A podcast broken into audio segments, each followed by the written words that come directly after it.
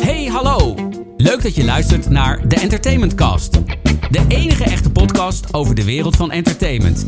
Het zijn de verhalen van de bedenkers, makers en uitvoerders. Ieder met hun eigen unieke, inspirerende, uitzonderlijke verhalen.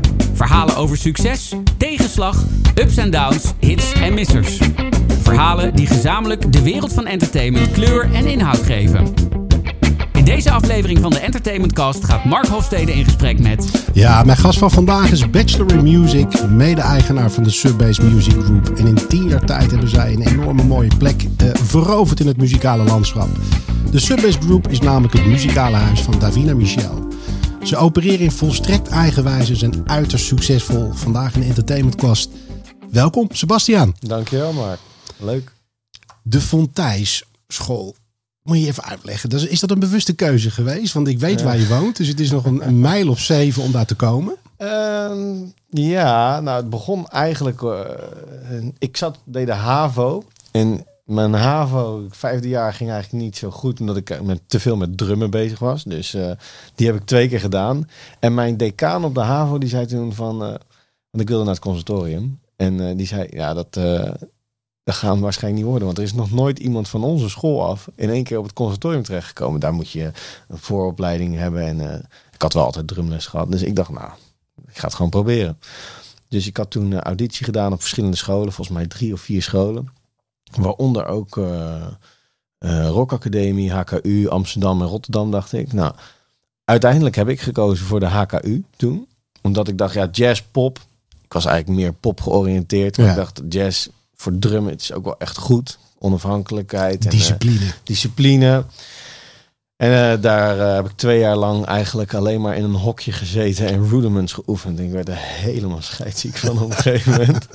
Dus toen dacht ik, nou, dit is niet helemaal voor mij. Hoe- Ik ben dan toch meer een, ja, gewoon een popliedjesman, als het ware. Dus ja, toen dacht ik, ik ga toch nog eens terug naar die rockacademie. Vooral omdat de businesskant daar in mijn ogen wat sterker vertegenwoordigd was in die opleiding. Dus eh, nou, zodoende naar de rockacademie gegaan. En dat was eh, qua drummen op dat moment wel vrij gemakkelijk om daarin te stappen. Ik moest er wel wat voor doen, maar dat ging vrij makkelijk, want ik had twee jaar HKU gedaan. Ja, precies. Eh, theorie was altijd lastig voor mij. Ik denk voor elke drummer bijna. Maar dat, daar sloeg ik me net doorheen, om het zo te zeggen. En, maar vooral de businesskant van die school, die trok mij toch wel aan. Dus ik denk dat ik daarom heb gekozen voor, ja, voor de Rock Academie uiteindelijk. Hey, en als, we, als je gewoon even inzoomt hè, op, op, op, eh, op jouw eigen zijn. Waar komt jouw passie vandaan? Is hij, is altijd geweest op het niveau zoals ik naar de buitenkant kijk naar Sebastian? Eh, ja, qua muziek wel. Want ik was. eh, mijn vader die drumde gewoon voor de hobby in een bandje. Ja. Dus er stond altijd een drumstel op zolder. En eh, ja, daar, ik was vier of vijf en toen ging ik daar al achter zitten. Dus toen ben ik eigenlijk een beetje begonnen met drummen. En toen was ik denk zes of zeven. En toen hebben mijn ouders.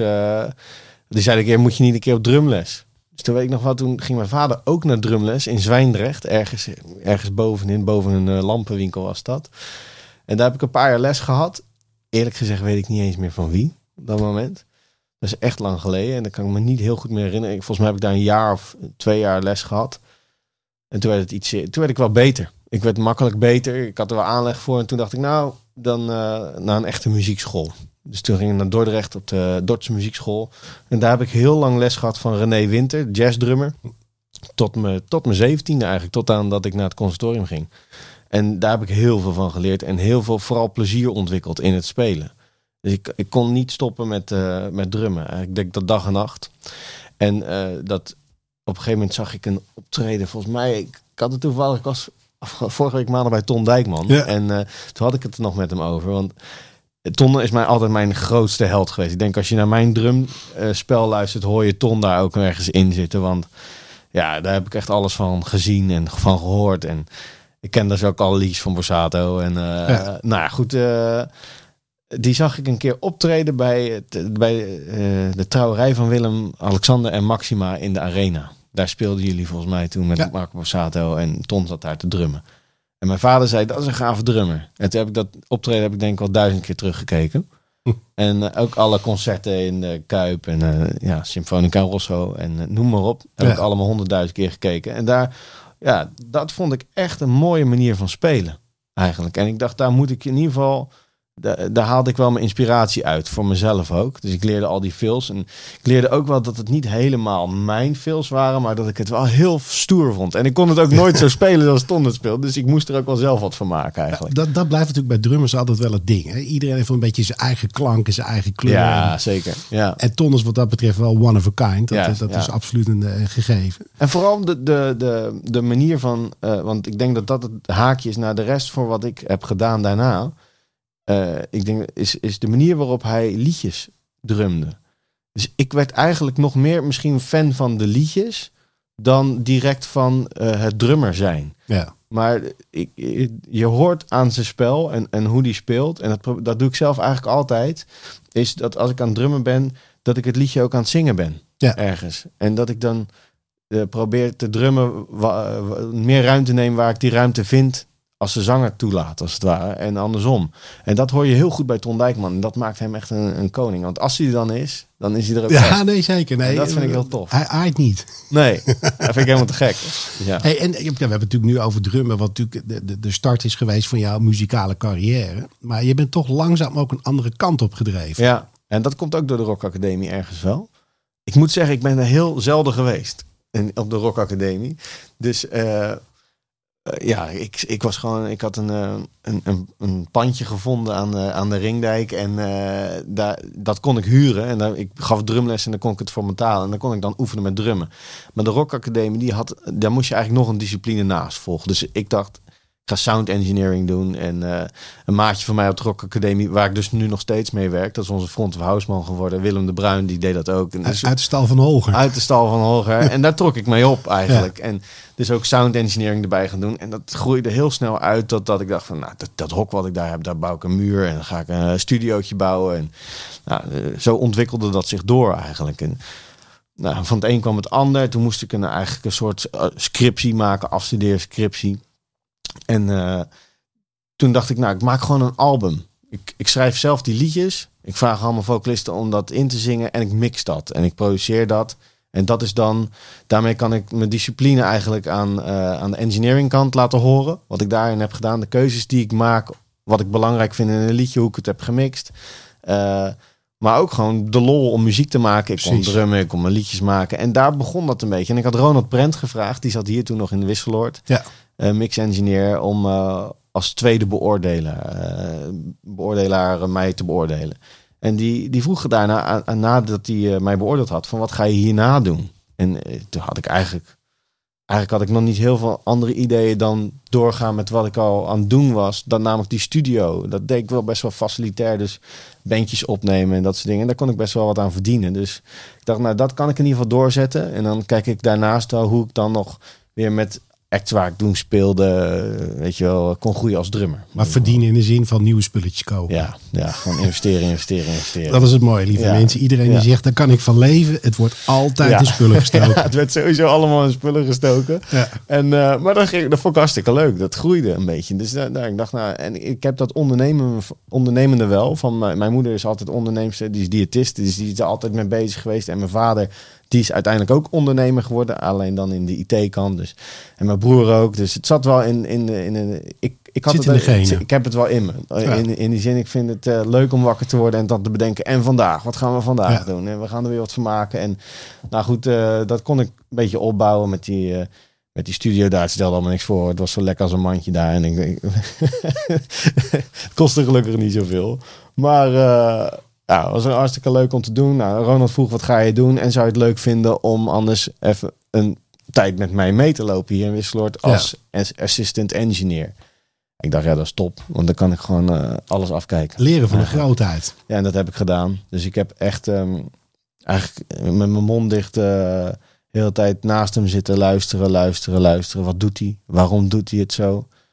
En toen, eh, naarmate ik vaker daar, daar zat, en toen begon ik op een gegeven moment een beetje zijn workflow te snappen. En eh, ik deed dan de recalls en de, de patch. En eh, begon ik een beetje te begrijpen. En ik merkte dat toen ik dat steeds meer begon te begrijpen, ik, dat ik steeds meer begon ook te vinden van het liedje. Eigenlijk waar hij mee bezig was.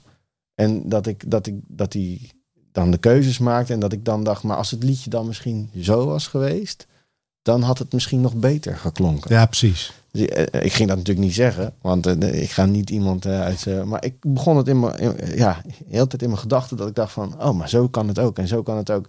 Dus dat ontwikkelde eigenlijk weer door naar veel meer creëren. Ja. tijd schrijven, schrijven. En tijdens de Rock Academie vond ik een paar jongens om me heen, waaronder Mark Schietveld, en Noah Silman. eh, en destijds ook nog een, een fotograaf, Giovanni de Deugd. En met die jongens ben ik dan Subbase Music Group begonnen. En dat begon natuurlijk eigenlijk helemaal niet zo serieus dat ik het nu zeg. Maar dat begon gewoon als vier vrienden die met elkaar... Die leuke dingen willen Ja, doen. die leuke dingen aan het doen Ja. En Gio die was heel erg op beeld gefocust. En ik dacht, nou dat is top. Want dat heb je ook nodig. Ja. En, eh, ja, en Noah die was toetsenist, eh, is toetsenist. En Marcus bassist. En een beetje een bandje. En, eh, en toen destijds hadden we ook nog een gitarist in de groep, Rolf Verbaand. En later ook nog Carlo Broeren. En zo waren we gewoon, eh, dat noemden we dan de Subbase Sessions. Ja. er staan ook nog een paar op YouTube volgens mij. Echt verschrikkelijk. En, eh, maar, eh, maar hartstikke leuke tijd. Want dan kwamen er gewoon allemaal verschillende vocalisten langs. Die wij wel tof vonden. Ja. En dan schreven we die dag een liedje mee. En die dag namen we het op en produceerden we het ook. En dat werkte Willem ook aan mee. Speelde ook nog gitaar en die mixte het dan. En nou, dat was hartstikke leuk om te doen. Daar leerden we gigantisch veel van natuurlijk in die tijd. Ja, dat werd steeds iets serieuzer. Op een gegeven moment eh, kwam Laura voorbij. Laura Beekman, die zat ook op, ook, eh, op de Rock Academie. En dat werd wat serieuzer. Daar hadden we echt een hoop liedjes meegemaakt. En dat kregen we ineens op 100% NL. Met Tot Snel was het eerste liedje daar. Nou, toen we dat hoorden, we waren, nou, wij gingen eigenlijk altijd al naar Rudo. Rudo de Raaf Ja. van PR Indies. En we zaten daar als broekies en hadden we weer een liedje. En dan... eh, en, en je merkte aan Rudo dat, het, dat hij het leuk vond dat het steeds ietsje beter werd. En op een gegeven moment, ik weet nog heel goed, zaten we in de auto en toen kwam tot snel dat liedje van Laura op 100% NL. Toen zijn we gestopt. Toen zijn we gewoon gillend aan de kant van de weg. Zijn we elkaar in de armen gevlogen. Zo fantastisch vonden we dat. dat, Maar dat is toch ook mooi? Als Ja. je gewoon heel veel tijd en energie stopt in iets, dat, Ja. dat die erkenning en waardering er dan ja, komt. ja, en dus er zat weer een soort van, ik denk dat dat ook wel een drijfveer is, dat er een soort van eh, een groei in zat. Ja. Dat motiveert natuurlijk enorm om weer door te gaan. Dus nou ja, goed, eh, dat, dat ging ook door. En op een gegeven moment, Laura deed aan de talentenjacht van Giel mee. En dat begon ook nog iets groter te worden. We konden een beetje gaan spelen. Dus nou, we waren gewoon lekker bezig, muziek maken, liedjes maken. En op een gegeven moment is het dan met Laura gestopt. Maar in de, ondertussen vond eh, Marcus een filmpje van Michelle online. En dat was in eerste instantie Idols, maar dat vonden we, nou, vonden we wel leuk, maar niet direct eh, fantastisch. Of, eh, maar hij ging vooral naar de Facebookpagina en daar zong ze een paar filmpjes in de woonkamer. Gewoon zelf gefilmd, selfie-modus. En toen dachten we echt van, nou, dit is, dit is ongelooflijk. Zij is echt steengoed. En dat, dat wisten we eigenlijk vanaf het begin af aan. En eh, toen heeft Marcus er uitgenodigd om eh, langs te komen in de studio. En ik had een liedje gemaakt, samen met Marcus ook nog. Heb laatst nog zitten luisteren. Dat zal nooit uitkomen. De lost tapes, ja, mensen. ja, dat zal nooit uitkomen. Maar toen, eh toen had Mies de eerste keer gecanceld, om welke reden dan ook. En ik was best wel, toen, misschien toen meer dan nu, maar een beetje een haantje. Ik zei, ja, laat maar. Als ze Ja. niet wil, ook goed, volgende. Ja. Hè? En uh, nou, Marcus die dacht, nou, ik ga het toch nog een keer proberen. Die zag die Facebook filmpjes, Ja, dat moeten we niet loslaten. Shit, Eh, dus die eh, nog een keer uitgenodigd, toen was ze er wel. En toen begon ze met zingen en toen... eh, ja, we keken elkaar aan. Wij, sto wij stonden in de controlekamer en zij zag ons niet. Want ze stond in een hok ergens te zingen. En zei tegen elkaar, nou, dit kan, als dit niet lukt, dan gaat niks lukken. En welk jaar hebben we het dan over? Zo, dat is goed. Ik denk dat dat eh, vijf jaar geleden is nu, eigenlijk. De- ja, waar, waar praten we dan over? 2016 eigenlijk? Realiseer je 15, goed 16? wat er gebeurd is in vijf jaar tijd. Ja, dat is ongelooflijk. Ja. Nou, eigenlijk niet. En eh, voor heel veel mensen is natuurlijk de, de coronaperiode ook een periode ge- in ge- geweest waarin je eventjes teruggeworpen wordt en weer even kan denken van wat is nou eigenlijk, eh, waar sta ik nu? Wat Ja. vind ik leuk? En ik merk dat het voor ons nog niet, eh, voor mij in ieder geval nog niet zo is geweest. Ik ben vooral heel de tijd bezig geweest met wat kan ik nu allemaal nog doen? En je bent zelf kritisch. Ja, de- maar ik ben eigenlijk wel elke dag bezig met eh, of het eh, allemaal wel goed gaat, bij wijze van spreken. Ik ben ook wel competitief ingesteld. Op, niet op de manier dat ik beter wil zijn dan een ander, maar vooral naar mezelf, merk ik. Het beste uit jezelf halen. Ja, dus eh, ik kan echt bloedzagrijnig naar mijn nest gaan als ik niet vind dat het liedje goed is wat ik die dag heb gemaakt. dat gaat niet goed. Maar eh, dat hoort denk ik een beetje bij. Hey, en, en we- we- we- al luisterende naar dit verhaal, hè, jij bezit natuurlijk een aantal talenten. Waar haal jij je inspiratie vandaan? Nou, ik denk dus dat waar ik mee begon is Ton Dijkman is een grote inspiratie voor mij. En dan gek genoeg eh, ook in de liedjes. Eh, ja, hij schrijft natuurlijk zelf ook al echt Ja. wel toffe liedjes. Maar hij is natuurlijk echt groot eh, en bekend als drummer van. En, eh, maar, maar hij heeft een bepaalde opvatting in zijn spel, maar ook in zijn manier van... en we hebben het heel veel over liedjes gehad ook in die stageperiode. Hij is echt een liedjesman. Daar heb ik heel veel van geleerd. Eh, waar ik ook heel veel inspiratie zelf uit kan halen, is andere mensen zien die heel gedreven zijn. Ja. Dat is eh, dus eh, documentaires. Ik heb laatst een hele do- die docu van Bill Gates zitten kijken. Mhm. bijvoorbeeld. En dan vertelt hij over een, een toilet, een zelfreinigend toilet, wat hij heeft ontwikkeld. En dat vind ik zo vet. Dan denk ik, ja, dat, dat, zijn, dat zijn nou net de dingen die ik zelf ook leuk vind. Om, als ik niet- geen muziek zou maken, zou ik ook dat soort dingen gaan doen. Weet je wel? Dan, Heb je ooit de Defined Ones gezien? Nee. Op? Nee. Moet je even kijken. Ja? Ja? moet je Ga- even een dagje de tijd nemen, maar die is goud. Ja, nou, dat vind ik echt heel inspirerend. Wat er wel dus vaak gebeurt als ik zoiets ga doen, is dat ik dan 10 minuten kijk en dan ben ik weg, want dan zit ik een liedje te maken. Ja. Dat gaat heel snel. En dan kijk ik daarna weer een stukje en dan weer ben ik weer weg. Er is een bepaald ding dan wat me triggert, waarvan ik denk, eh, ja, het zou een beetje zonde zijn om het nu helemaal af te kijken. Want Ja. dan eh, ik kan nou zelf ook wat doen. Dat is gek hè, maar ja, daar haal ik er zoveel energie uit dan. En als je het hebt over eh, inspiratie en, en muziek die tot je komt. Hè? Ik bedoel, nu is het natuurlijk super makkelijk met Spotify om nieuwe dingen te ontdekken. Ben- Ja. Ben jij een graver qua Nou. muziek of niet? Eh, nee. Nee, eigenlijk niet. Is, eh, nee, ik, ik heb één favoriete band, denk ik. Imagine Dragons vind ik helemaal te gek. En dat deel ik met Mies. Als ik op zondag muziek aanzet, dan is dat Stevie Wonder of wat dan ook. Dan zetten we gewoon de LP-speler aan. Ja. Want dat is muziek. Die kan ik rustig luisteren zonder dat ik daar zelf eh, het gevoel heb dat ik daarmee aan de slag moet. Ben jij ook een ontkenner van zijn laatste drie albums? Eh, nee, ik hoor de laatste nieuwe plaat, de laatste plaat die hij uit heeft gebracht. Als we dan toch over het laatste liedjes hebben steeds, die vind ik te gek met Elton John. Dan hoorde ik een plaat voorbij komen en dat vond ik. Toen dacht ik, hé, hey, ik hoor echt gewoon Stevie Wonder. Ja, en zijn eerste plaat niet op Motown. Dat is best een dingetje. Ja, ja, dat zeker. Ja, maar nee, dat is, het is. Nee, ik vind gewoon Stevie Wonder, Stevie Wonder Hij is, is een held. fantastisch. Songs in the Key of Life. Als Ja. ik een dubbeltje krijg Ja. voor iedere keer dat ik die gedraaid heb, kan ik op vakantie. Ja, nou, is dat ja. Ja. maar het is gewoon heel. Voor ons is het een, eh, een, een manier. Dat soort muziek luisteren is gewoon ontspanning. En, Ja. en dan kan ik eindelijk weer ontspannen van muziek. Ja. Als ik in de auto stap en ik, ik heb 538 of eh, Q-Music of wat nou ook aanstaan, dan, ja, dan ben ik toch heel snel bezig met, oh, passen wij hier wat tussen? Of eh, weet je wel, moeten Beetje we ook niet zoiets hebben? Of eh, ja, wie heeft dat niet? En eh, vaak luister ik dan ook een podcast in de auto. Daarom heb ik al jouw podcast al geluisterd. Ja, maar dat, dat is wel een aardige. Ik werd gebeld door Raymond van Vliet. Ja. En die had eh, de tekst van, eh, heeft hij alleen maar dinosaurus of komen jonge mensen ook nog? Nou, ik vond het natuurlijk fantastisch om dat te horen. Eh, zeker ook omdat een hoop jongeren uit onze industrie het een beetje link vinden om hun verhaal te vertellen. Ja, en ik. daarom vind ik het super leuk dat jij er bent. Ook omdat ja, jullie, jullie generatie op een hele andere manier in de wedstrijd zit dan wij dinosaurussen. Zo bedoelde ik dat niet. Nee, maar ik vond hem juist hartstikke nou, leuk. ik omdat- vertellen hoe ik dat bedoel. Ja. Want ik, ik, ik vind het juist mega leerzaam. Dus er zijn veel verschillende podcasts zit je te luisteren. En dan hoor ik de loopbaan van Raymond of van Tony. Maar ook van Arjan heb ik hem gehoord. En Ja. eigenlijk heb ik ze vrijwel allemaal gehoord. Eh, ook gewoon mensen die ik eigenlijk helemaal nog nooit ontmoet heb. Maar het gaat me eerder om de loopbaan die iemand aflegt. Ja. En we zitten eigenlijk allemaal best wel eh, op dezelfde manier met dezelfde passie erin. En dat is Klopt. heel makkelijk iets wat je verbindt. Dus als ik daarnaar luister, als broekie, om maar zo te zeggen, dan kan ik daar heel veel eh, info uithalen die voor mij handig kan zijn. Ik weet niet wanneer, maar ik vind het ook leuk om te luisteren. Ik hoor allemaal verschillende dingen. Het inspireert me ook weer opnieuw om andere dingen te proberen. En, en zet je ook aan het denken met wat je nu aan het doen bent. Zeker. Of dat. Ik, ik ben wel overtuigd van de route die wij hebben gelopen met Michelle en nog steeds lopen. Dat die heel anders weer is dan de routes die eigenlijk de dinosaurussen hebben gelopen. Nee, maar dat, en het is ook zo. En daarom is Ja. dit gesprek ook heel erg leuk. Want eh, eigenlijk voordat we eh, op, op rec drukten, eh, Ja. zeiden we al van er is niet een blauwdruk Nee. voor succes. Nee, zeker niet. En daarom is jullie verhaal eigenlijk een, een hartstikke mooi verhaal. Want jullie zijn gewoon een collectief.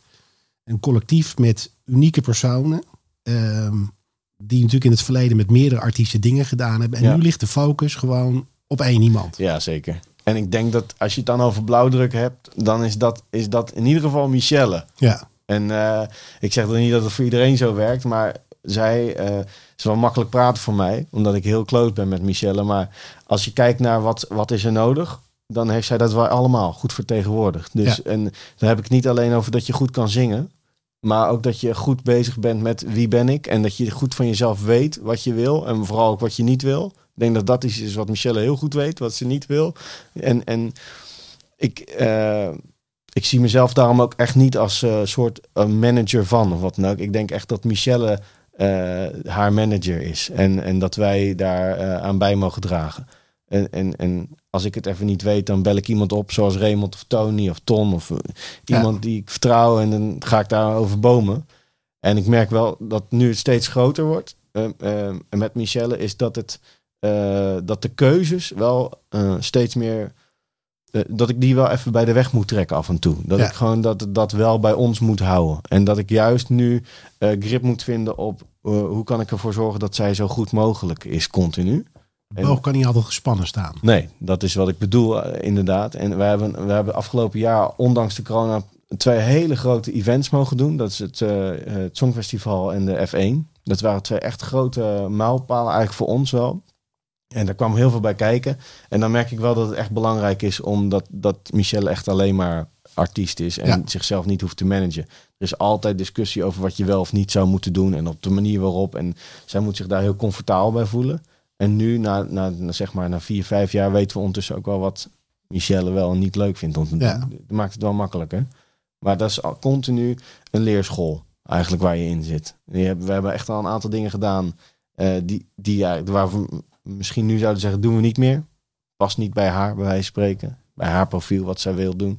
En er zijn nog, ook nog steeds wel dingen die, die we dan wel weer heel graag doen en eh, ambities voor hebben. Dan, eh, dan, en eh, ja, waar je het ook met Tony over had, is een stap zetten over de grens. Zou Ja. voor ons echt wel een grote ambitie zijn om, om dat te doen. En ben, er gaat geen dag voorbij dat ik niet even aan het denken ben van hoe zouden we dat nou weer nog een boost kunnen geven? Op welke manier kan ik ingangen vinden of wat dan ook? En dat, dat is echt dat is lastig. Dat is lastig om, om die ingangen te vinden. En, en hoe gaan jullie om met het fenomeen nee zeggen? Want iedereen wil wat. Ja. Van jou, Ja, van haar. ja. Nou, in principe, de eerste stelregel die we hebben afgesproken, en die kwam er al heel snel, is als het niks met zingen te maken heeft, dan is het nee. Want Michelle is zangeres. Ja. En dus heel veel aanvragen of Michelle dit wil presenteren. Of daar eh, een, eh, bij wijze van spreken een linkje wil doorknippen of wat dan ook. Dat is in principe nee. Ja. Tenzij ze er heel verbinding mee heeft. Op een gekke manier. En ze vindt het leuk om te doen. Dan, dan zou het nog wel eens zo kunnen zijn dat het wel zo is. Maar in principe eh, is Michelle gewoon een zangeres. En, eh, en zetten we daarop ook de koers uit. Ja. En daarmee zorg je er eigenlijk voor dat eigenlijk de helft van die e-mailbox al wegvalt. En dat kan ook heel goed verantwoord worden. Dus, en, en daarna is het kijken naar. v- vind je het leuk of niet? Dat is de eerste vraag. Is, word je hier gelukkig van als je dit wel of niet gaat doen? En de tweede vraag is uiteraard ook: gaat het ons ook verder brengen? Ja.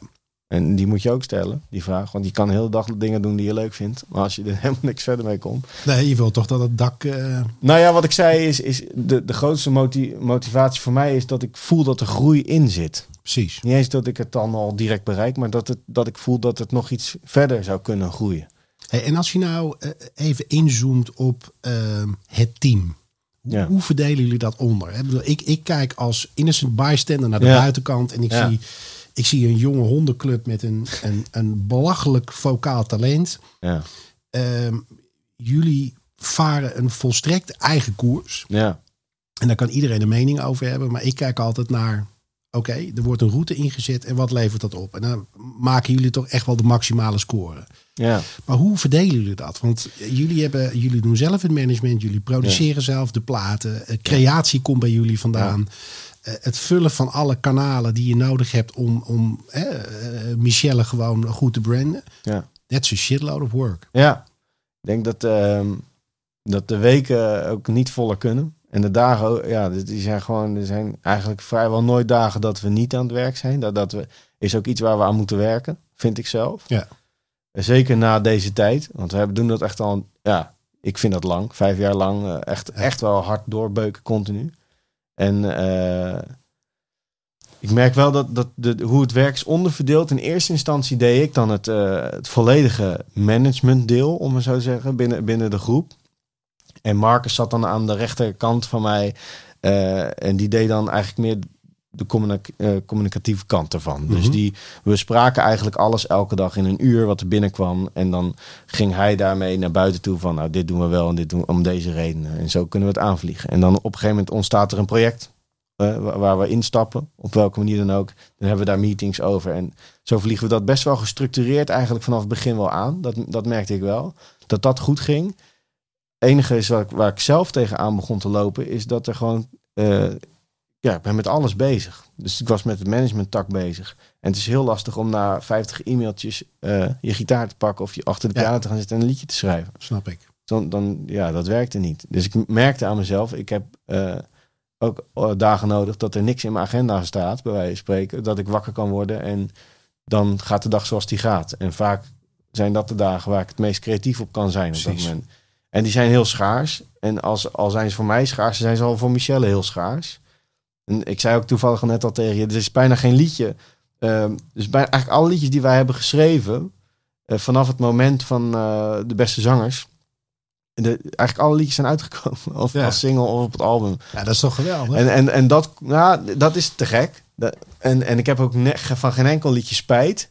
Maar ik, ben, ik wil nu wel in een, eh, een periode belanden waarin ik wel een aantal liedjes heb. En niet om te kunnen kiezen, maar gewoon om te, om te voelen wat er nog meer kan met Ja. Michelle.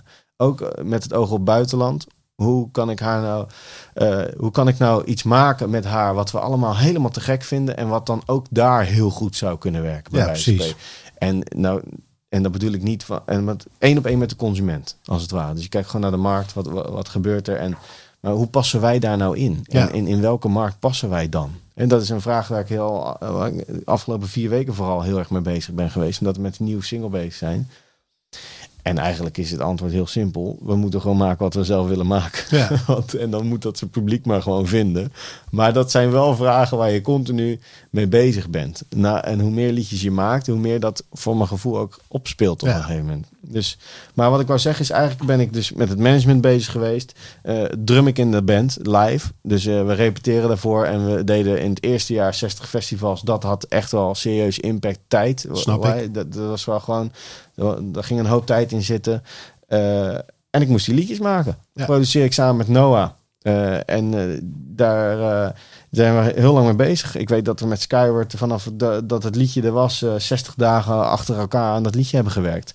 Ja, dat zijn 60 dagen dat ik dan in, ja, een uur per dag zeg maar, aan de managementkant mee denk. Ja. En bepaalde ideeën creëer zelf waar ik dan tussendoor opkom. En, en verder eh, afhandel wat er binnenkomt. Eh, samen met Marcus in die tijd. En de rest van de dag muziek aan het maken ben. Eh, dat, dat werkte eigenlijk wel goed. Maar we waren toen ook nog bezig daarvoor in die periode met ja, waar gaan we tekenen. Want we wilden op een gegeven moment wel tekenen. We voelden, voelden dat de distributie een stuk sterker kon bij Michel. Dus dachten, nou, dat moeten we, moeten we gewoon gefixt hebben. En er waren genoeg partijen die daar interesse in hadden. Nou, zijn Waar ook heb je ze op geselecteerd? Hè? Want we hadden het in het voorgesprek al over. Ja. Jullie konden overal tekenen. Ja. ja, ik denk dat het uiteindelijk gewoon eh, intuïtie is, grootste deel. En eh, ik denk dat Tony gewoon het gaf ons gewoon het gevoel dat wij mochten doen wat we wilden doen. Ja. En ik denk dat dat het allerbelangrijkste is. Ik denk dat dat nooit gaat veranderen. Als je ook maar z- vijf minuten met Michelle hebt gepraat, dan snap je dat het op die manier gaat. Ja. En, en niet anders. Want dan wordt ze er niet gelukkig van. Maar jullie hebben toch die partijen, hè, als ik dat vanaf de zijlijn bekijk, heel zorgvuldig gekozen. Ja, ja, we zijn een jaar bezig geweest, volgens mij met alleen Tony al, om te kijken ook hoe de afspraken zouden moeten liggen dat we er ons relaxed bij voelden. Ja. En in dat jaar gebeurde er heel veel. Want eh, we zijn al va- vanaf eh What About Us volgens mij in gesprek met Eetbal geweest. En uiteindelijk hebben we ver, het duurt te lang is zelfs nog gebeurd. En daarna is er pas getekend eigenlijk. En eh, dat kwam eigenlijk voor, voor, voor ons omdat YouTube gewoon doorliep. En wij merkten dat we eh, op die manier ook heel makkelijk de mensen konden bereiken.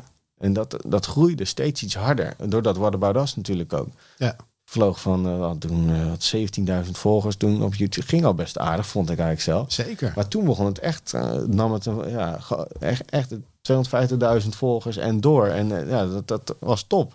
Toen dacht ik, nou, we bereiken eigenlijk al heel makkelijk heel veel mensen zonder dat we daar ook maar iemand tussen hebben zitten. Maar dan kom je op de iffy part. Hoe ga je de conversie maken? Ja, natuurlijk. Want we wilden natuurlijk wel eigen muziek ja. uiteindelijk. En dat is wel een heel ander verhaal. Dat wist ik ook wel. Want ik had ondertussen met Ton contact en uh, met Ronald. Ik zag die mensen hier in, in Wisseloord voorbij komen. Nee, ik snapte wel dat er meer voor nodig was. En ik denk dat dat al begon bij What About Us. Toen uh, toen Michelle dat video, die video had met uh, Glamour, dat was in dat hok in uh, Zwijndrecht, dus in dat lekker hok. en uh, toen zat ik op de bank erachter en ik was natuurlijk niet in beeld, maar ik wist wel op dat moment van, ik ga nu eerst, de persoon die ik bel is Rudo. Ja. Want dit is een verhaal. Ja. En ik wist ook wel dat er een verhaal nodig zou zijn om iemand ergens te krijgen. Ja. Dan is het gewoon, er zijn zoveel liedjes en zoveel het unieke er juist aan dat Pink reageert, dat is wel vaker gebeurd eigenlijk. Als je eerlijk kijkt naar, er zijn wel vaker grootheden geweest die reageren op covers van anderen. Ik dacht, ja, ik moet gewoon nu zorgen dat ze bij de Wereldrijd doorstaat. Ja. En uh, Mirjam en Rudo uh, van de PN, die dat gelijk voor elkaar eigenlijk. Dus die, uh, haar eerste optreden was bij Matthijs van Nieuwkerk met de Wereldrijd door. Daar staat ze ook nog echt als een, uh, ja, als een meisje daar. En de Waddenbaardas zingen wel heel goed overigens, vond ik het. Maar, maar dat was wel heel spannend natuurlijk gelijk eigenlijk. Ik heb er zelden op een foutje betrapt. Ja, ongelooflijk hè? Ja. Ja, ik, ja, ik ook. eigenlijk. Maar zoals jij het vertelt... Je, je, je hebt gekozen voor 8 als, als jullie uh, ja. platenpartner. Cloud9 als jullie publishing partner. Ja ik merk wel heel erg bij jullie dat jullie die teamgedachte ook echt uitnutten. Ja, zeker. En want ik merk ook echt dat we een team zijn met E-bal en ook met Cloud9. Ja. Ik, ik, uh, ja, Raymond is dan uh, onze publisher.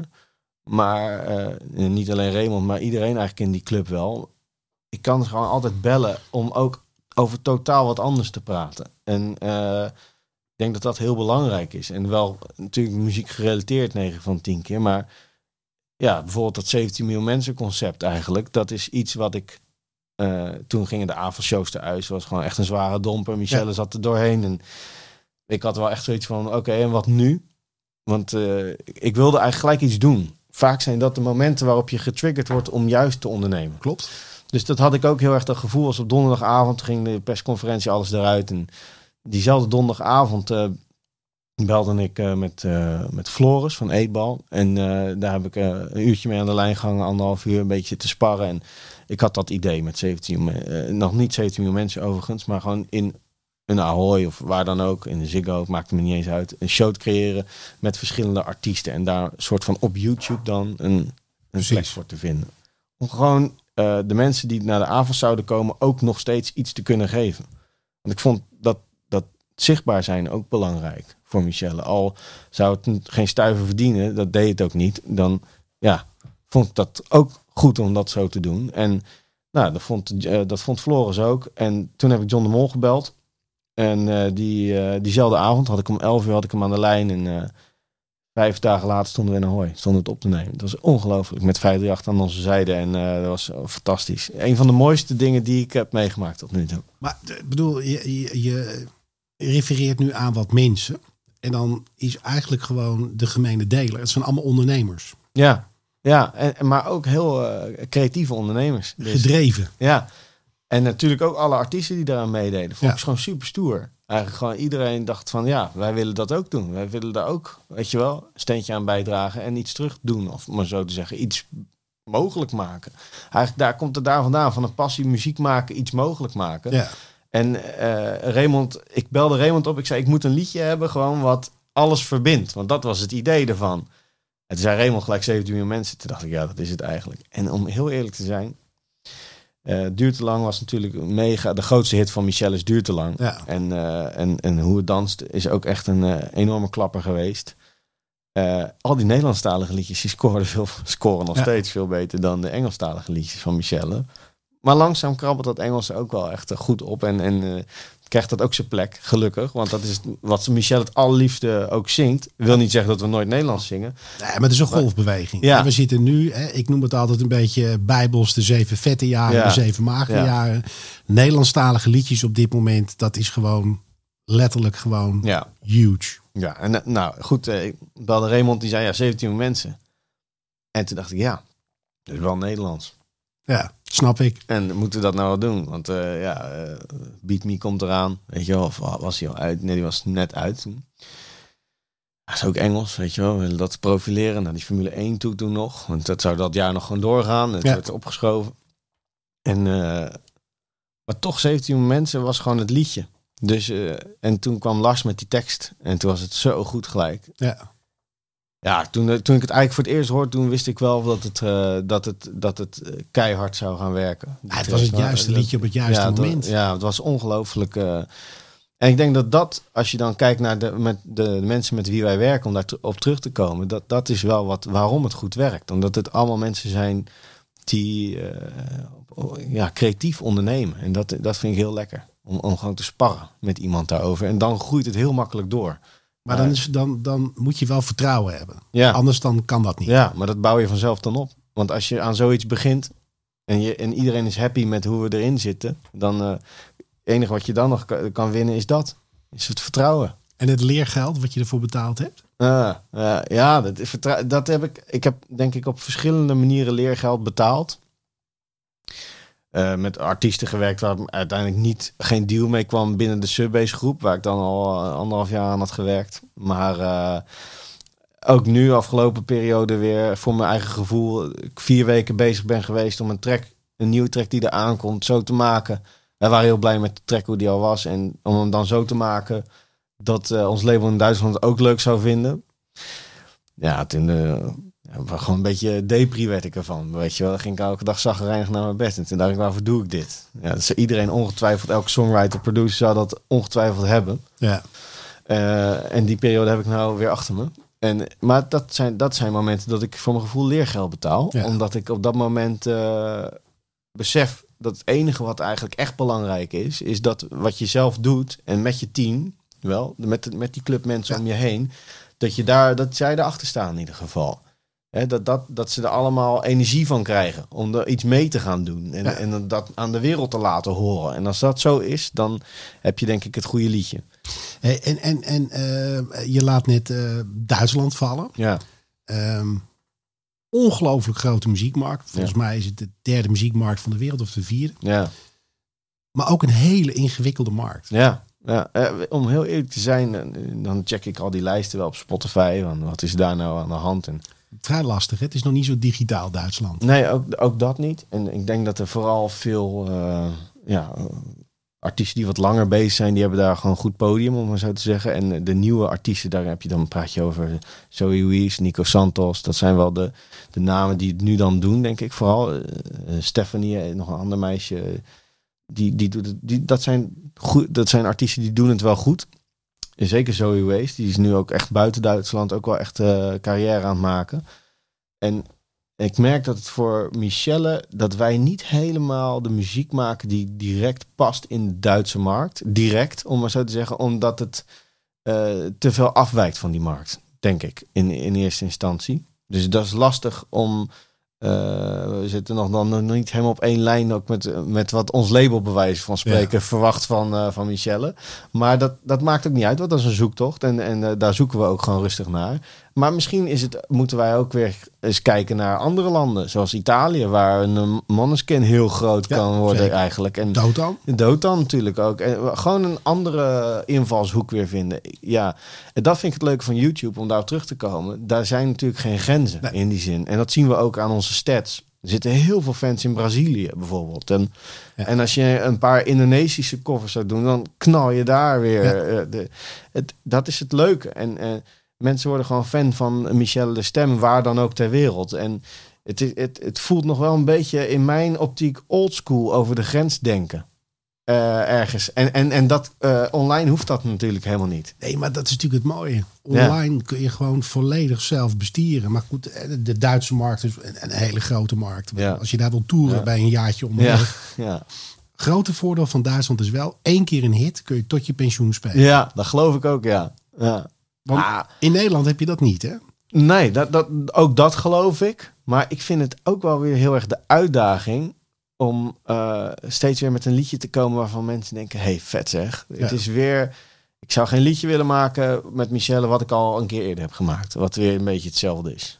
Ik, ik vind het juist, en ook de single die we nu weer hebben liggen, het is weer gewoon totaal...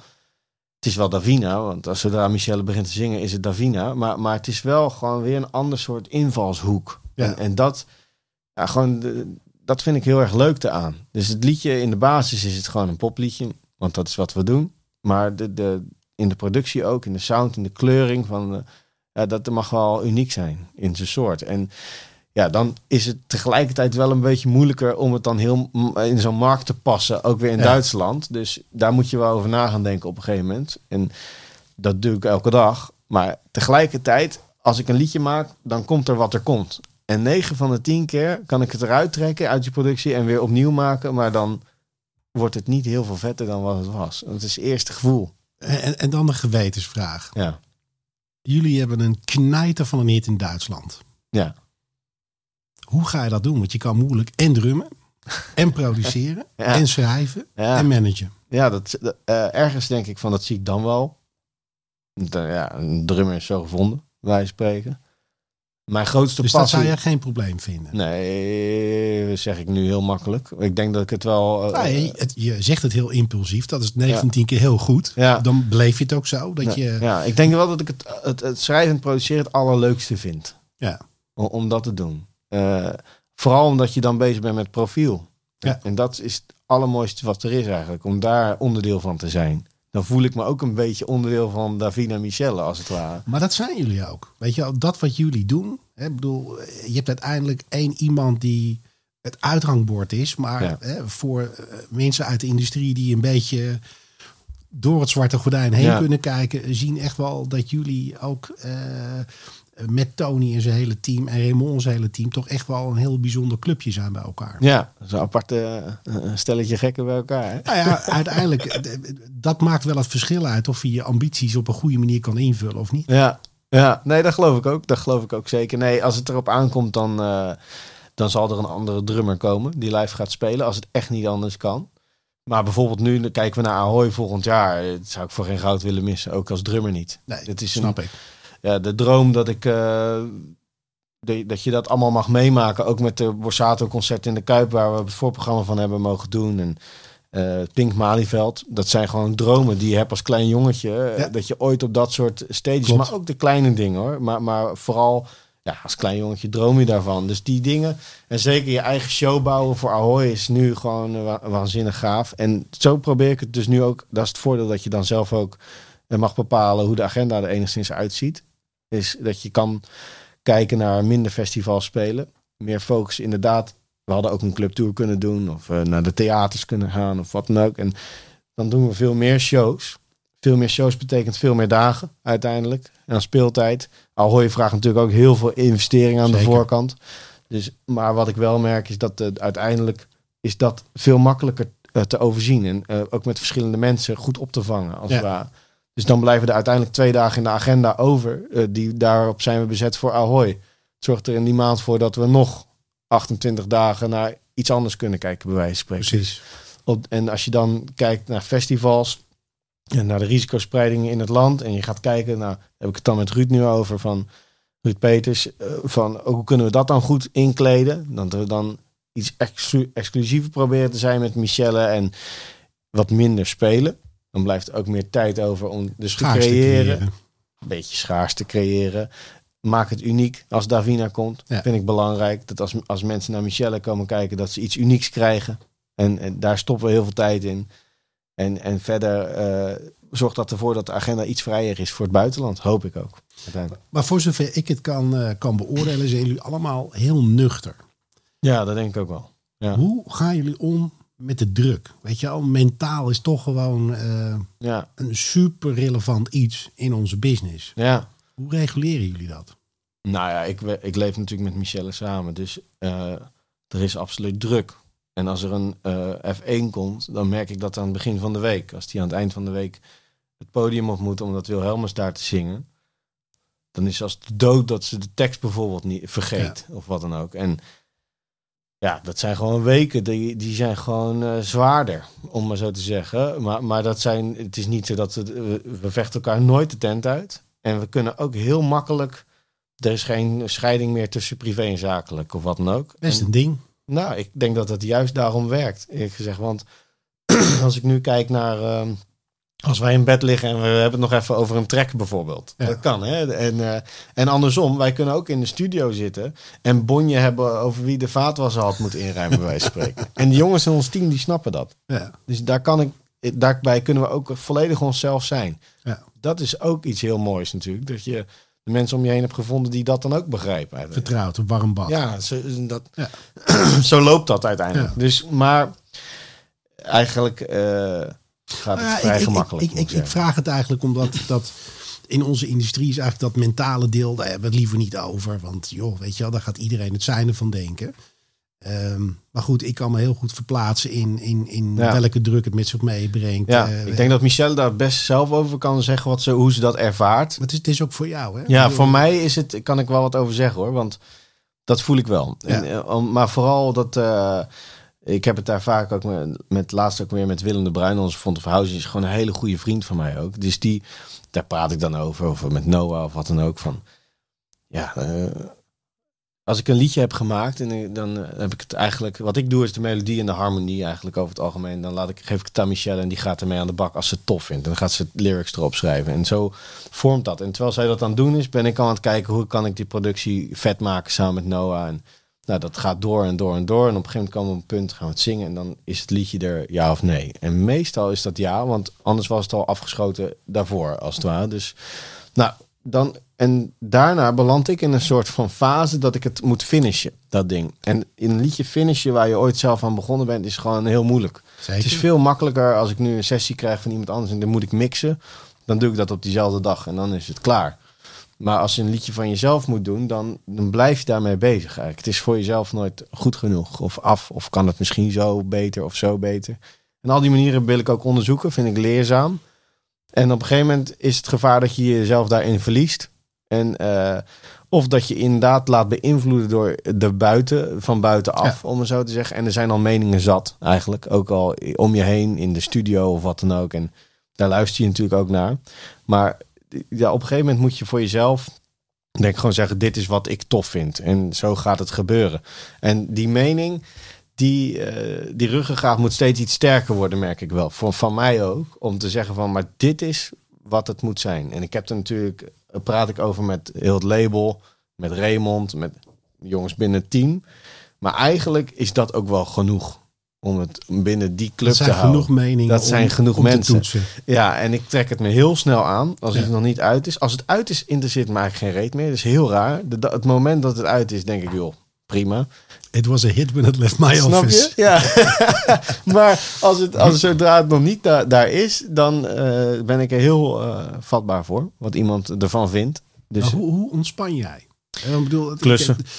ik- ja? ja, ik Nee, maar maar Ja. dat, dat is hartstikke fijn. Want Ja. als ik gewoon kijk naar wat er op jouw bordje ligt... en ik kijk waar jullie in de pikorde staan... dan is dat eh Ja, 24-7 business. Ja, maar toch ook bijvoorbeeld gisteren, dan eh, zijn we ook muziek aan het maken. En eh, ja, ik ben ook een beetje een studio nerd. Dus ik vind die, die, dat vind ik ook leuk. Dus ik een beetje in de studio eh, op te lappen met Willem. En eh, nou goed, eh, op een gegeven moment dan ga ik hout halen bij de Hornbach. Dan huur ik een busje en dan ga ik hout halen. En dan ga ik een overkappingje maken in de tuin. Ja. En dat doe ik dan een paar uurtjes en dan laat ik het liggen. En dan ga ik weer iets anders doen. En dan de volgende dag pak ik het weer beet. En Ja. weet je, nou, het is, het is een heel raar leven eigenlijk, wat dat betreft. Eh, maar dat werkt wel voor mijn creativiteit heel goed vaak. Dus dat het een beetje raar is. Ja, dat is fijn dat je er een modus op gevonden. Ja. Dat bedoel ik ook een beetje met dat mentale stuk, weet je. Als sommige mensen kunnen het niet loslaten en verliezen zich in de, in de druk Ja. die, die eh, zeg maar de prestaties die jullie leven Ah, er, met zich zitten, meebrengen. ja, zitten wel echt consequenties aan de laatste jaren. Dat merk ik wel vooral naar mijn eigen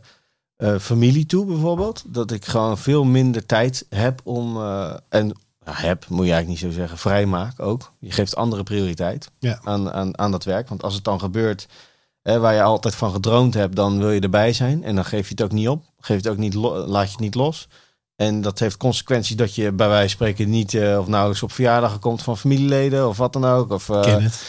nou, en dat heeft- zijn wel de consequenties waar je misschien soms ook nu even bij stil moet staan voordat je, ja, voordat je ze eigenlijk niet meer kent, bij wijze van spreken. Dus daar moet je, daar begin ik me steeds meer te realiseren dat ik daar ook wel aandacht aan moet schenken. Ja, je kan ze natuurlijk deels meenemen in, eh, in de leuke dingen die jullie meemaken. Ja, natuurlijk wel. Dus altijd ja. voor buitenstaanders lastig uitleggen waarom je doet wat je doet Ja. en wat de consequenties daarvan zijn. Ja, ja. En dat probeer je wel op zich. En eh, ik denk ook wel dat ze het heel goed begrijpen. Zeker de, mijn, echt mijn ouders en eh, mijn broer en mijn, mijn zus, ja, die begrijpen het allemaal wel. En die hebben zelf trouwens ook hele drukke levens. Die werken ook krank, dag en nacht keihard. Dus wat dat, beg- wat dat betreft begrijpen we elkaar denk ik heel goed.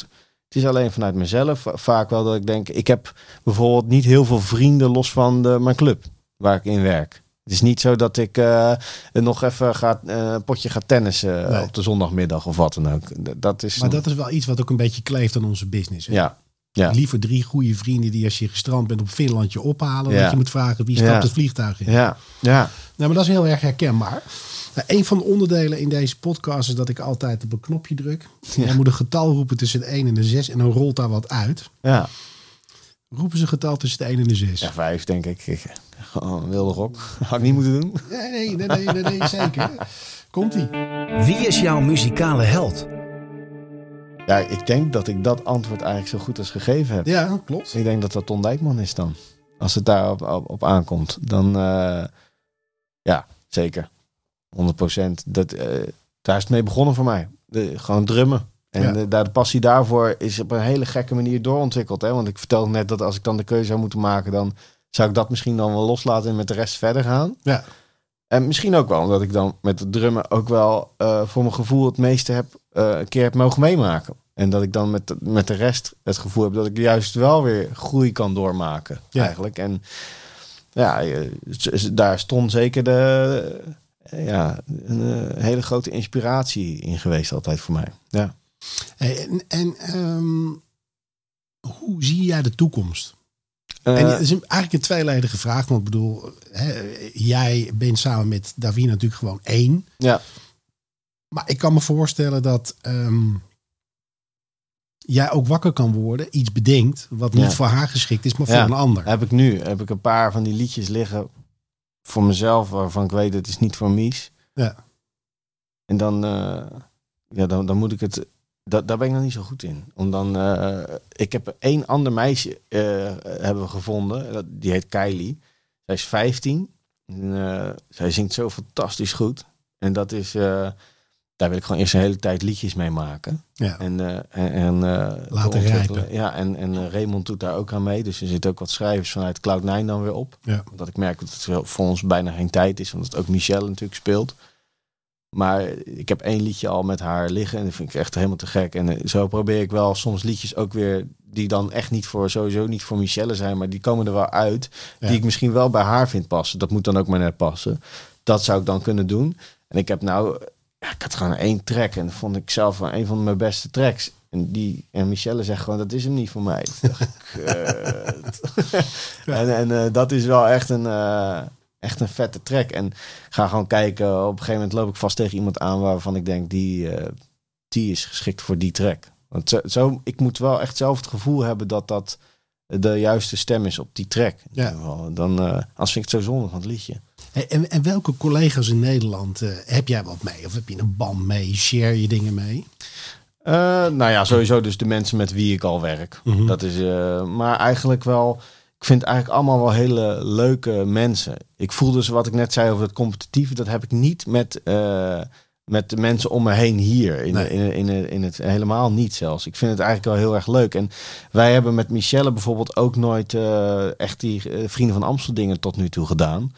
En eh, nou, wellicht komt daar verandering in. En, en, en dat zou ik wel heel leuk vinden, want dan zie je even wat meer. Andere collega's. Ik zie wel collega's om me heen. Als ik dan echt kijk, wat vind ik zelf bijvoorbeeld heel vet. Wat er allemaal gebeurt, ook hier in het land. Dan vind ik vind bijvoorbeeld direct een, een, een, een live band vind ik echt heel vet. Ja. Om, om, om, om- ja, daar heb ik ook altijd ideeën bij de liedjes en zo. Dat gaat, gaat, gaat, gaat mij niks aan. Maar ik heb wel altijd, als zij spelen, dan voel, dat voel je. En, Ja. en dat, dat vind ik heel erg tof. Eh, maar ik ben denk ik nog meer internationaal wel georiënteerd qua muzieksmaak, denk ik wel. Dus als ik... eh, Ed Sheeran zat vorige week bij Jinek. En dan, eh, dan ben ik gewoon, dat zie ik. En dan zit ik daarna gewoon heel de nacht in de studio.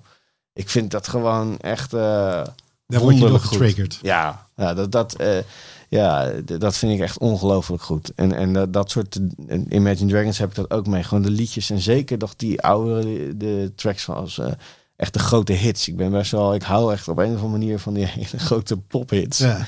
En eh, ja, dat, dat, eh, dat, dat zijn wel de helden voor mij in ieder geval. Maar het kan, het kan ook, het, zijn, het hoeft niet eens muziek gerelateerd te zijn. Het Nee. is meer een type persoon of wat dan ook, wat me dan triggert om actief te worden. Ja. Ja, dat eh, apart. Ja.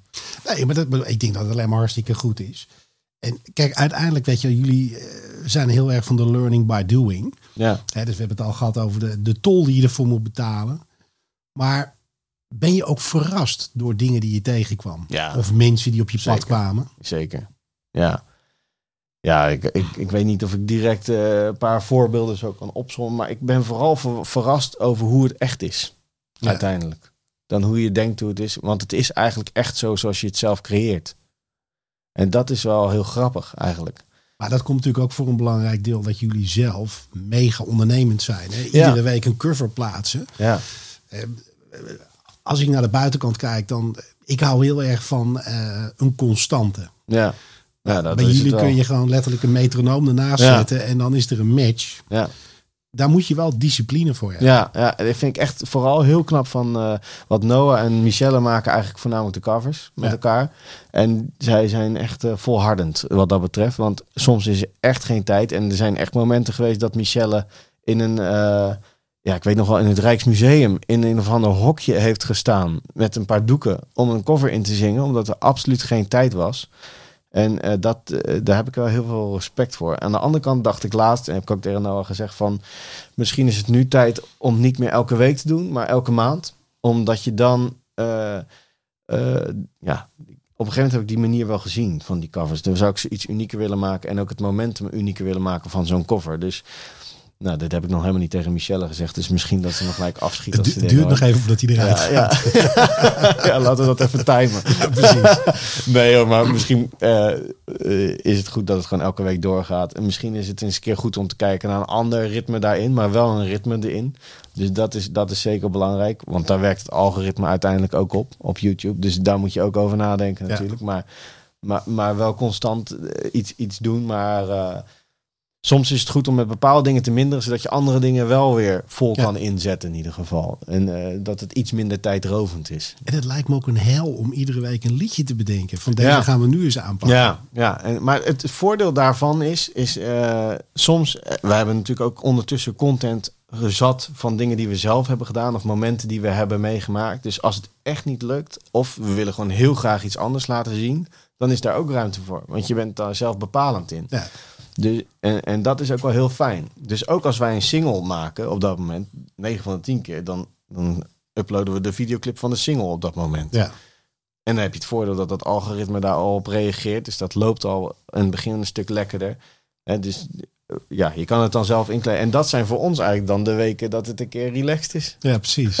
Ja. maar uiteindelijk als ik dan, dan eh, luister naar wat je zegt, dan is structuur heel belangrijk eh, voor Ja. jullie. Maar jullie hebben ook een hele heldere strategie. Ja, terwijl als, als, als structuur is belangrijk. Maar ik denk als je, als je bijvoorbeeld mijn vader zou vragen van... hoe kijk jij naar de Subbase Music Group? Ja. Dan zegt hij een soortje idioten bij elkaar. Dat je ongestructureerd. Terwijl eigenlijk eh, is Maar het ik- chaos kan georganiseerd Ja, zijn. dat is het. Het is een, het is een georganiseerde chaos. Ja. Want er is nog nooit een deadline niet gehaald. Nee, precies. En eh, wat dat betreft is, is dat succesvol, ongeacht het eindresultaat. Ja. maar, maar dus het is wel, het is letterlijk wat je zegt, een gestructureerde chaos is het. Ja, maar kijk, uiteindelijk, en dat is natuurlijk altijd vrij lastig uitleggen aan de buitenwereld. Je wordt wakker en je weet niet wat de dag brengt. Nee. Er kan in jouw agenda staan dat je een Ja. liedje gaat maken. Ja.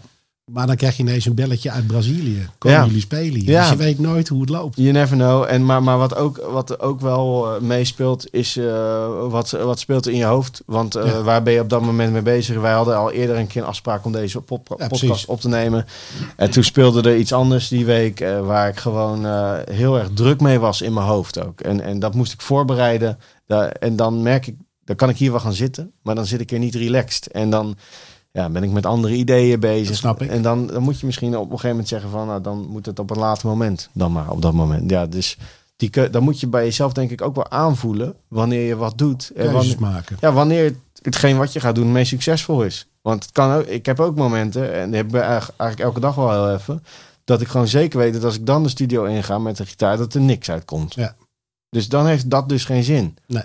Dus dat, en als je dat van jezelf herkent, dan kan je heel snel wat anders pakken. Want dan is dat, heeft dat wel zin, om bij spreken. Om, eh, Maar zo is het ook. Hè? Ja. Ik bedoel, eh, d- dat is natuurlijk de moeilijkheidsgraad in het vak wat we hebben. Dat is continu nee roepen, dingen toetsen. ja. Of ja, roepen als iedereen nee roept. ja, en als je ja roept, doe het dan goed.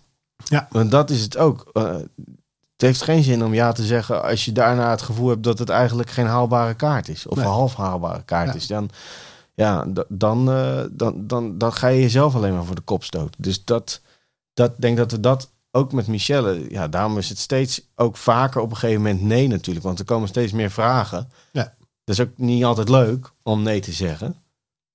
Maar ja, zo, zo werkt het natuurlijk wel. Je hebt maar gewoon 24 uur uiteindelijk. Dus dat is het. En eh, Als, als we kijken, ik pikte gewoon twee willekeurige dingetjes uit die we ook tijdens het gesprek al hebben laten vallen. Eh, Beste zangers is natuurlijk een accelerator geweest. Eh, De respons van Pink, ja, daar begon het eigenlijk. Ja. wat een soort van starting point is Ja. geweest. Ja. Hoe verwerk je dat? Want Beste Zangers is natuurlijk ook gewoon met Duur te Lang, wat een, wat een bizarre hit was. Ja, kijk, wij waren gewoon eh, nobodies daar. Eh, we waren gewoon jongetjes die... eh, we hadden wel heel erg veel ambitie. Dat hebben we nog steeds. En een heel grote drive. En een goede intuïtie, denk ik ook. Dat, dat, dat, dat, dat zijn voor... Meer hadden we niet. Want we hadden geen kennis van de industrie of wat dan ook so far. Want we hadden nog niks anders gedaan. Maar toen Duur te lang bijvoorbeeld op één stond... Ja, Michelle wist niet eens wat de top 40 was. Dus die, eh, ja, leuk. En eh, dus zo keek je daar dan naar. Ik niet. Ik vond het wel heel gaaf. Maar toen stond het nog een week en nog een week en nog een week. En het werd maar groter en groter. Die, die periode was echt een van de drukste periodes ook uit mijn leven. Dat weet ik wel. En, en eh, ik vond het fantastisch. Eh, eh, Maar, maar was je wel... Ja, je, je was er niet bewust van. Eigenlijk.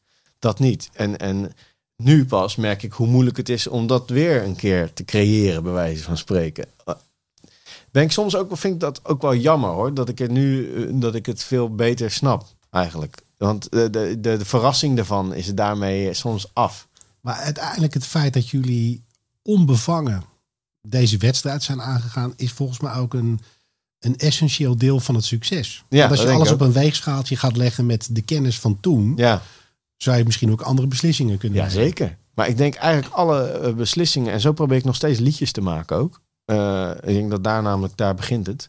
Maar, maar, maar de, de, de onbevangenheid in je liedjes maken bijvoorbeeld, Ja. is het allerbelangrijkste wat er is. Ja. Dus nooit met het idee een liedje gaan maken omdat dat moet. Of omdat er iemand anders zo'n soort liedje wil. Of omdat, maar gewoon omdat jij dat wil. Omdat je dat leuk vindt om te doen. En, en eh, dat gaat ervoor zorgen dat iemand anders het misschien ook leuk, Ja. wel, wel leuk vindt. Maar als je eh, nooit met zo'n commercieel... eh, je mag best commercieel zijn. Daar is helemaal niks mis mee. Maar als je gaat creëren, wees dan bezig met dat creëren. Met het maken. En dan kijk je later wel of dat dan iets is wat goed vermarkt wordt of niet. Weet je. Dan, Maar ik denk uiteindelijk, weet je, commercieel, dat, dat blijft altijd een, eh, een beladen woord. Dat is hetzelfde als het moet credible zijn. Ja, maar daar gaat het natuurlijk wel om. En, en dat is wel een, een wereld die. eh, het is heel simpel. Als je succes hebt, dan wil iedereen eh, met je aan de haal. Ja. En dan is het leuk. En als het niet meer zo succesvol is, dan druipt de helft af, bij wijze van spreken. En dan een paar goede vrienden blijven hangen. Ja. Zo zal het zijn, uiteindelijk. En ik denk dat dat, dat allemaal prima is. Als je maar voor jezelf, als, als je aan het creëren bent, het gevoel hebt gehad dat je aan het maken bent wat je, aan, wat Ja. je leuk vindt. Dan kan je namelijk altijd op terugkijken met een gevoel van, nou, ik vind het nog steeds vet, Ja. eigenlijk. Eens? Weet je, en eh, zo hadden wij een liedje. Eén liedje van Mies. En wij dachten, nou, we hebben het helemaal gewoon. We, dit is Ja. hem. Dat was Big Brother. Nou, niemand zal het kennen. Want het was gewoon groot, één grote flop uiteindelijk. En daar waren misschien wel verschillende redenen voor. Ook politiek en eh, noem maar op. En, eh, maar wat ik nog steeds vind, is dat ik die track gewoon helemaal te gek vind. Ja. Dus die zet ik gewoon met heel veel lol op. Ja. En dat pak ze me sowieso niet af. Nee, Ja. maar ik denk dat dat sowieso eh, op het niveau waarop jullie creëren altijd zo, zo zal zijn. Ja. Ja. Wat ik ook nog wel leuk vind om te weten, hè, want jullie zijn natuurlijk een hecht collectief. Gaat alles bij jullie democratisch? Ja, vrijwel. Ja. Maar ik denk wel dat ik een haantje ben. Dat wel. in de keuzes. Ja. Vaak eh, dan, eh, als ik het echt eh, wil, en dan willen zij het ook Ja. vaak. Nee, dus ik hoef eigenlijk nooit te vechten voor, ergens voor, maar ja, je probeer wel de meeste ideeën aan te dragen vaak. Ja. Dat zit gewoon in me. Dat, daar kom ik op iets. Of Maar wat jullie zijn natuurlijk ook heel erg complementair aan elkaar. Ja, dat is het vooral. Ik denk dat, want zonder die gasten had het nooit zo geweest als dat nu is. Nee. Dus dat is ook alweer het hele mooie van het Ja. verhaal natuurlijk uiteindelijk. Ja. Het is echt een team wat dat Ja. doet. En in een team heb je altijd iemand die, eh, die keihard aan het beuken is overal op. En die wil dit en die wil dat en die wil zus en dat. Maar dan, dat zal ik dan zijn in deze. En je hebt een paar gasten die iets relaxter zijn. Ja. En dat is heel belangrijk. Dat die gasten denken van, joh, lul maar aan het weg. Maar eh, misschien is dit wel even belangrijk om aan de achterkant ook nog even... Maar hoe vaak denk jij dat als iemand nee zegt? Hij kan niet zo goed tegen nee dan. Dus eh, daar heb ik altijd even, even voor nodig. Gaat steeds beter. Maar eh, dat, dat je even voelt van, hè, waarom niet dan? Weet je wel? Omdat het niet kan, was, weet je wel. Dat is het dan. Want het is niet haalbaar of wat dan ook. Dus jij zoekt altijd de onderbouwing. Ja, maar het enige wat ik belangrijk vind is een voorbeeld daarvan was bij de Formule 1. Eh, dat is natuurlijk een heel eh, hectisch ding voor ons geweest. Het hele Formule beladen. 1, een beladen ding, ook met de media aandacht eromheen en noem maar op. Om dat goed soort van. eh, ja, dat Formule 1 verhaal was voor ons al twee jaar oud. Ja. En we stonden daar onder heel andere voorwaarden dan Chef Special geboekt zou worden. Ja. Was ik trouwens volledig mee eens hoor, met Joshua. Maar, maar heb ik ook tegen, tegen de club gezegd daar. En vonden ze eigenlijk, eigenlijk zelf ook. Maar goed, het was al zo'n media-spektakel. Nou goed, uiteindelijk, wat ik wilde vertellen is... die zaterdagavond, de dag voor de, eh, voor de race... ontmoette ik eigenlijk de, ja, de chief eh, event eh, marketing daar. En dat was Alexander. En die zei ineens... Zou het ook niet leuk zijn dat als Max wint morgen... dat we dan nog een keer het volkslied zingen aan het einde van de race? Ja. Onze tafel stonden onder die tribune bij, eh, voor de grid. Die stonden 300 meter verderop dus. Dus dat, ons signaal ging dat niet halen, want de hele lucht hing vol met, Ja. met zendersignaal. Dus dat gingen we niet halen. Eh, maar ik moest in 20 minuten eigenlijk voor elkaar krijgen dat het wel ging gebeuren. Want dat was de Worldwide Broadcast die altijd zou gebeuren. Ja. En dat begin van, van die race, dat was natuurlijk een waanzinnig moment in Nederland. En ook nog een fantastisch moment met Armin erbij. Zeker. Nou, en, maar na de race, dat was gewoon eh, ja, honderden miljoenen mensen die Ja. dat konden zien op dat moment. Dus, en dat moest eigenlijk in 20 minuten, want dan konden we het nog repeteren, ook op video. En, eh, en dan heb ik gelukkig twee gasten in, eh, in de crew zitten, Willem en Bas, die gewoon heel goed zijn technisch. Ja. En ook in oplossing, oplossingen kunnen denken op dat moment. En dat is gewoon een, een team.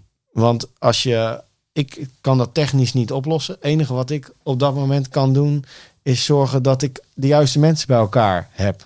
Ja. Om dat te organiseren. Nou, en toen hebben we, de, eh, toen, wat we hebben toen hebben besloten is, we doen het zonder zenders, we doen het gewoon bekabeld. Want dan gaat het altijd goed Ja. eigenlijk. En, eh, nou goed, de, dan moeten ze dus een lijntje onder het circuit doorgetrokken worden naar die tafels toe noem maar op. Nou, in 20 minuten was het er. En we hebben gerepeteerd die avond nog in Ja. de kou met Michelle. En eh, ja, dat was gewoon fantastisch. En ik weet nog wel, zondagochtend werd ik wakker. En toen dacht ik, fuck, er is helemaal geen spermic. toen dacht ik, wat nou als die mic het niet doet? Ja. Weet je, dan staat ze daar zonder geluid. En toen heb ik tegen die, eh, een van de jongens van het geluid daar gezegd... Leg er, ja, want ik wist dat een extra lijntje ging hem sowieso niet meer worden. Maar in ieder geval, dat als ze dat ding zou laten vallen en kapot was... Ja. dat je een andere microfoon erin kon Ja. Dus die had ik snel nog gefixt. Maar ging natuurlijk uiteindelijk allemaal goed. Maar hoe georganiseerd het was bij het Songfestival... Ja. Nou, het was gewoon een houtje touwtje bij de F1. Maar het was ook wel weer heel erg de charme ervan. Het was wel een heel erg mooi moment. Ik stond echt... Ik had, Nee, maar die zijn dat er ook helemaal niet gewend. Nee. Weet je, de, Nee. de, de, de, de tijdsduiding moet goed, goed Nee. zijn. En eh, die, die 35 camera's die ze gebruiken. Maar nou, kijk, hoe, mak- hoe makkelijk jij nou zegt, dat zijn ze toch helemaal niet gewend. Nee. Zo makkelijk stap ik erin met Ja. het idee dat het allemaal wel goed ging komen. Snap je? Want als je een, een eh, je bent nieuw in de, ook daar was ik nieuw op het circuit. Ja. Ik kende de rest helemaal niemand daar en ik leerde al die mensen kennen. En, Nee, dat klopt. nou goed, eh, dan ga je daar. Dus terwijl je het aan het doen bent, moet je zorgen dat het goed gaat. Dus je moet, het enige wat ik continu zelf moet doen, is denken: waar kan het fout gaan? Ja. Wat heb ik niet doordacht? Bij wijze van spreken. En dan zie ik wel of het dat gaat lukken of niet. Dus als we het alfabet gewoon even picturen, dan is de I van improviseren. Ja, heel belangrijk. Ja. Ja, is echt, Ja, het is ook wel, wel grappig eh, om op de Formule 1 terug te komen. Er is nu een Nederlandse dame die, eh, die zeg maar regiematig dingen gaat doen. Want eh, wat dat betreft was Zandvoort natuurlijk wel een, eh, Ja, een visitekaartje van hoe je ook het. een andere beleving mee kan geven aan het, eh, het hele gegeven Formule 1. ja. Welke tip zou jij mee willen geven aan jong talent? Je hebt natuurlijk zelf ook nog een broekie. Ja, ja. Maar weet je, jullie hebben in vijf jaar tijd wel een prestatie Ja. neergezet. ehm, waar denk ik heel veel jonge mensen eh, met heel veel respect naar kijken. En denken van, oh fuck, ik, ik, ik zit ook op de Fontijns Hogeschool. Ja, ja, hoe doe je En dat? dan? Ja, nou, ik denk dat je begin is met eh, goede mensen om je heen. Dus die je vertrouwt waar je lekker mee kan werken. Dus goede liedjes kan schrijven. Eh, ga dat gewoon op je gemak doen. Voel niet te druk om gelijk wat uit te brengen, maar ga gewoon creëren. En kijk waar je daarop uitkomt. Misschien doe je dat al een tijd. En, maar, en vaak heb je dus wel bij jonge mensen die dat al la- langer doen, dat ze het juist weer heel eng vinden om naar buiten te gaan. Dus Ja. die, en, maar zorg tegelijkertijd, terwijl je dat doet, dat er iets van zichtbaarheid is. Of je dat nou op YouTube doet, of je doet het op TikTok of Instagram of wat dan ook. Zorg ervoor dat er een constante factor is die gewoon continu ervoor zorgt dat jouw fans jou kunnen blijven volgen. En dat er continu content is voor ze. Want ze vinden dat leuk om jou te volgen. Maak ook iets voor ze op dat moment. Al is het niet van jezelf, al kan je het niet elke dag creëren. eh, zorg ervoor dat er wekelijks iets is, of twee wekelijks, of wat dan ook. Ik denk dat dat het belangrijkste is. En als je daar nog echt nog niet aan toe bent, zorg er dan in ieder geval voor dat je aan de achterkant eh, in die mensen vindt en waarmee je kan creëren. En dat je er een plan voor gaat bedenken dan op lange termijn. Maar wees daar ook niet al te lang mee bezig. Want een plan bedenken op lange termijn is leuk. Maar begin gewoon. En Ja. kijk hoe je dat kan uitbouwen. Want uiteindelijk dan kan je heel lang gaan denken. Dat is ook een valkuil van heel veel mensen. Dat ze heel lang aan het denken zijn. Ja, de, de grap is, ik, ik geef af en toe wel eens clinics. En dan eh, heb ik letterlijk van die oud-Hollandse letters staan. En dan zeg ik, er zijn er drie van belang. De A, de B en de C. Je hebt Ja. aandacht nodig om je bereik te vergroten. En dat doe je door middel van de juiste content. Is het? Ja, is het ook. En dat is volgens mij iets wat jullie eh, eh, Ja. echt tot in de zevende macht gedaan hebben. Wat je eigenlijk nu ook als tip meegeeft aan het jonge talent. Volhardend zijn, consequent. Ja, dat zou ik wel doen. Ja, en want, en, en natuurlijk een heel groot vertrouwen Ja, in wat je doet. Want dat is wel misschien goed om te vertellen. Hoe wij begonnen zijn in dat hockey in Zwijndrecht, wat Ja. lek was. Daar betaalden wij allemaal 92 euro per maand om dat te huren.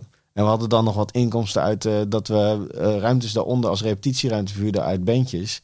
En bij elkaar bracht dat dan, dan die 500, 600, weet ik veel wat het was, in de maand op. Die we moesten betalen voor dat pandje. En dat deden we elke maand. En dan, je betaalde ook de lunch met z'n allen. En er kwam gewoon 0 euro binnen. Dus we Ja. werkten eigenlijk allemaal eh, daarnaast. eh gaven lessen of wat dan ook. En, en zo kwam dat geld er wel uiteindelijk. En konden we dat doen. En investeerden we soms, als we een, een bandje hadden opgenomen of wat dan ook, in nieuwe mics, nieuwe preamps, noem maar op. Dus het werd wel iets beter uiteindelijk. Maar dat heeft heel lang nodig. Hè? Want, Ja. eh, want die- dat is eigenlijk al een stukje voor die vijf jaar dat we nog Michelle ook niet kenden. Waar, waar dat ook al in ontwikkelde eigenlijk. En op een gegeven moment werden we daar ook beter in. Dus, en dat is denk ik ook belangrijk voor een jong talent. En eh, dat vind ik zelf ook eigenlijk het leukste. Om heel eerlijk te zeggen. Ik zou het liefst weer, nu ook met Keijer, daar krijg ik mega veel energie van. Dat het gewoon, uitdaging. ja, het is zo'n enorme uitdaging om alleen al een liedje te vinden Ja. voor haar. Om, om, daar een plek voor te vinden. Ja. Of dat mag ook van de industrie, of zij dat ook vinden. Weet je wel, dat, dat is wel. Maar flauw gezegd, jullie zijn de industrie. Ja, is ook zo, maar ik bedoel, en met de industrie bedoel ik misschien nu ook echt, vinden we een plek op radio bijvoorbeeld voor haar. Is Ja. er iemand daar die ook ziet wat wij zien? Is er, dat, dat is het vooral. Want zijn er, eh, en zijn er ook echt fans die zien wat wij zien? En Ah, ja, jullie hebben natuurlijk wel gewoon eh, op de juiste manier de ogen gericht staan op jullie club. ja, Dat helpt zeker. ja, En eh, ik denk dat at the end ook hier geldt het bekende ABC'tje. Ja, voor deze get- getalenteerde dames. Ja. Daar heb ik al het vertrouwen in. ja, Ik vond het onwijs tof. ik ook. Leuk gesprek. Ja, En ik denk dat als mensen vragen passie en inspiratie, hoe zit dat? Dan moeten ze deze podcast nog even goed Ja. terugluisteren. Van, leuk. Eh, onwijs veel respect voor jullie drive en wat jullie gepresteerd hebben. Dus eh, wij gaan elkaar zeker nog een keertje spreken. Leuk Mark, bedankt voor het komen. Leuk gaaf. Je luisterde naar de Entertainment Cast. De Entertainment Cast is een initiatief van Mark Hofstede, oprichter en eigenaar van Ambassadors of Entertainment. Hopelijk treffen we elkaar weer bij een volgende aflevering van de Entertainment Cast.